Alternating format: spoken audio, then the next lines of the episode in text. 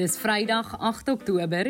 Met hierdie naweek is daar nog net 12 naweke in 2021 oor, maar voor jy kan gaan naweek hou, wil ek jou net gou op hoogte bring van die week se belangrikste nuusgebeure hier in jou weeklikse nuus met Spiespot sending, 'n bondige nuusoorseig met my, Mia Spies. In 'n netedop wag 'n duister naweek op Suid-Afrika nadat Eskom beurtkrag instel. Brittanje verwyder Suid-Afrika van die rooi lys vir toeriste. Kortlys bekend vir nuwe hoofregter. Nasionale polisiehoof se skorsing dreig. DA verwyder omstrede verkiesingsplakkate.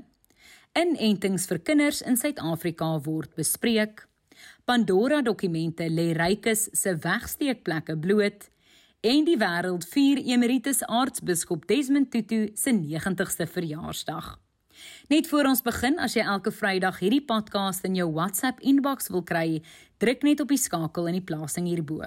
Hoofnuus hierdie week is dat Eskom vir die eerste keer in bykans 3 maande beurtkrag ingestel het. Fase 2 beurtkrag is van gisteraand tot vanoggend toegepas en sal weer van vanaand tot môreoggend ingestel word. Dit is om noodkragreserwes aan te vul nadat verskeie opwekkingseenhede by 'n aantal kragstasies gebreek het.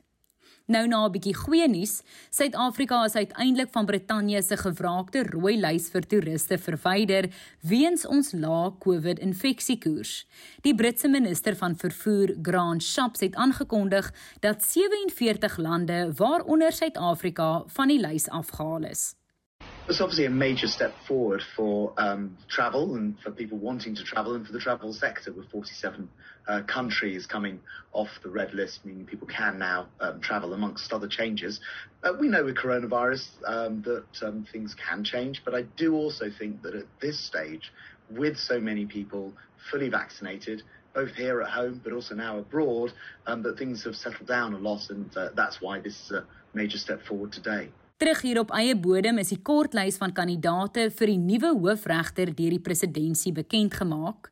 Die huidige hoofregter Mogoeng Mogoeng se 10 jaar termyn eindig volgende week.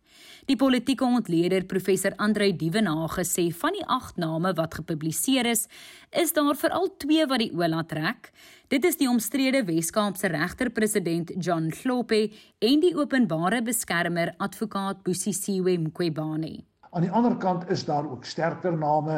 Mens dink veral aan uh, adjunk hoofregter Raymond Zondo, jy dink aan advokaat Ellen Nelson. Mens sou ook name kon noem soos byvoorbeeld Judge President Danstan Mshlambo en so meer. 'n Mens kan maar net die hoop uitspreek dat hier objektief gehanteer sal word in hierdie uiters belangrike posisie. Waarom is hierdie pos nou juis so belangrik? Die posisie van hoofregter is van kernbelang vir die eh, grondwetlike bestel in Suid-Afrika vir die oppergesag en die toepassing van die reg. En daarom is die keuse van so 'n kandidaat ook van kernbelang en is dit belangrik dat die kandidaat onafhanklik dat hy die vermoë moet hê om met die regbank te kan werk en dat hy die nodige ervaring of sy dan die nodige ervaring sal hê. Dan het die regterlike dienskommissie hierdie week begin met onderhoude om vakante regtersposte in howe oor die land heen te vul.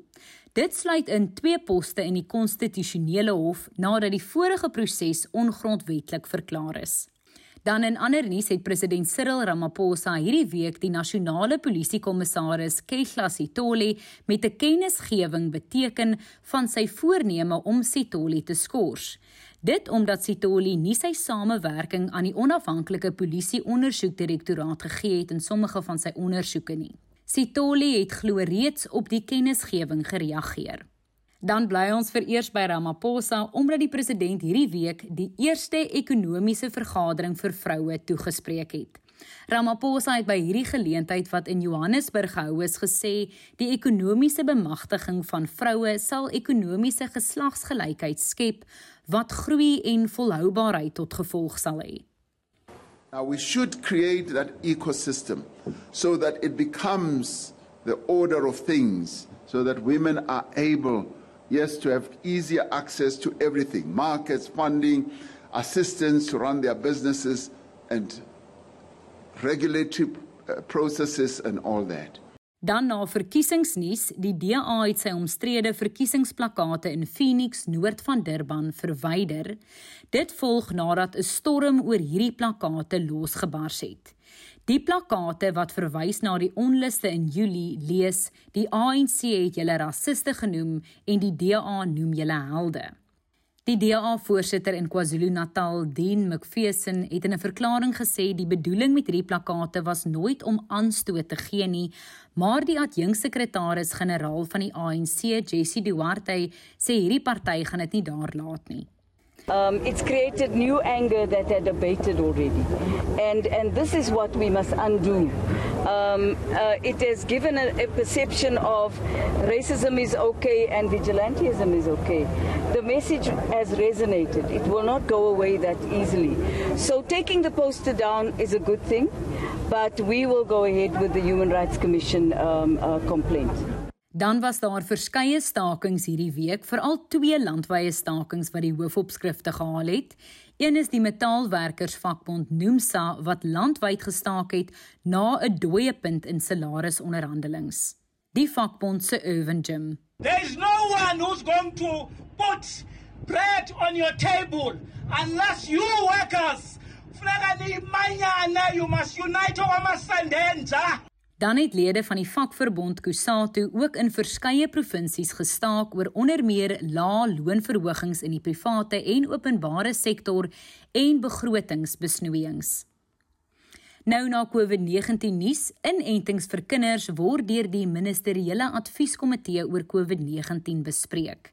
Die Wes-Kaapse hoof van gesondheid, Dr Keith Kloete, sê die Suid-Afrikaanse Gesondheidsprodukte Beheerraad het aanbeveel dat inentings veilig is vir 12 tot 17 jariges.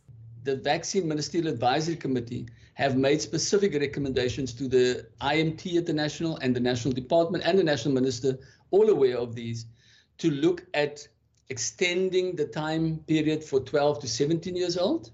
And secondly, to have booster doses, especially for people over the age of 50 that has comorbidities and is more vulnerable, um, and also booster doses for healthcare workers. In ander enstofnuus, die Wêreldgesondheidsorganisasie het die eerste malaria-enstof ooit vir kinders goedgekeur. Die WHO se direkteur-generaal, Dr Tedros Ghebreyesus, sê dit is 'n geskiedkundige gebeurtenis. This long-awaited malaria vaccine is a breakthrough for science, child health and malaria control.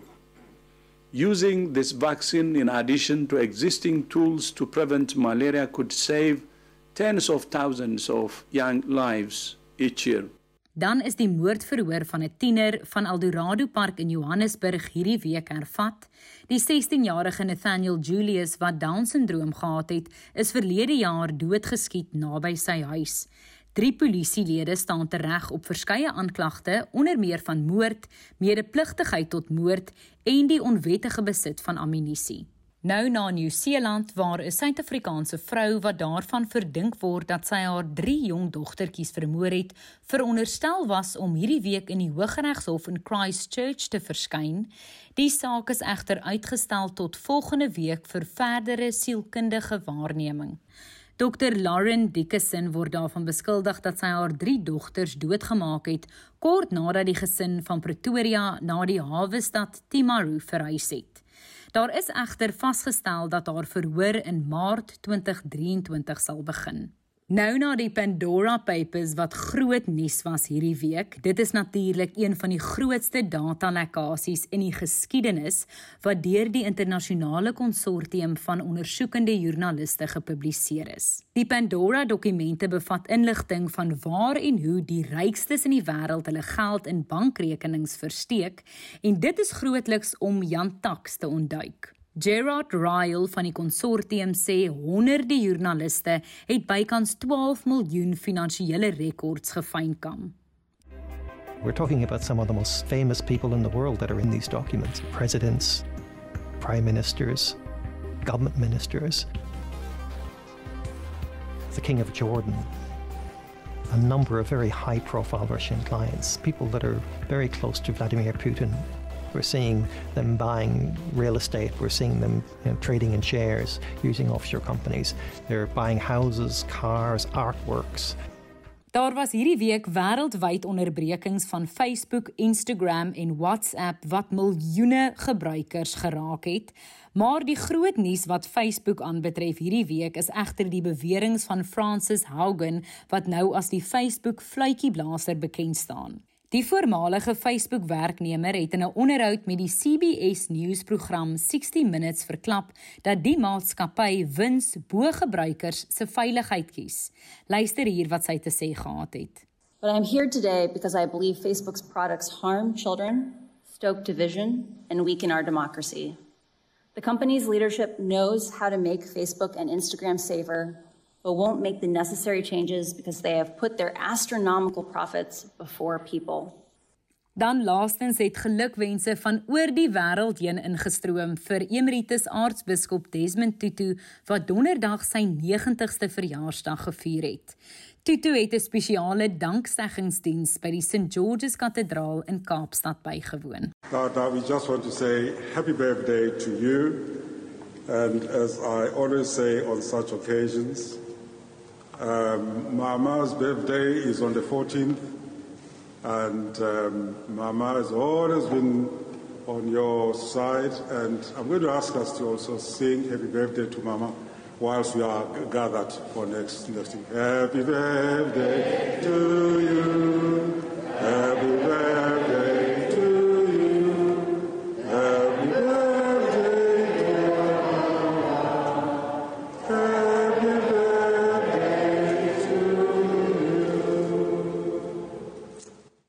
Mag die Arch vir nog baie jare vir ons gespaar bly.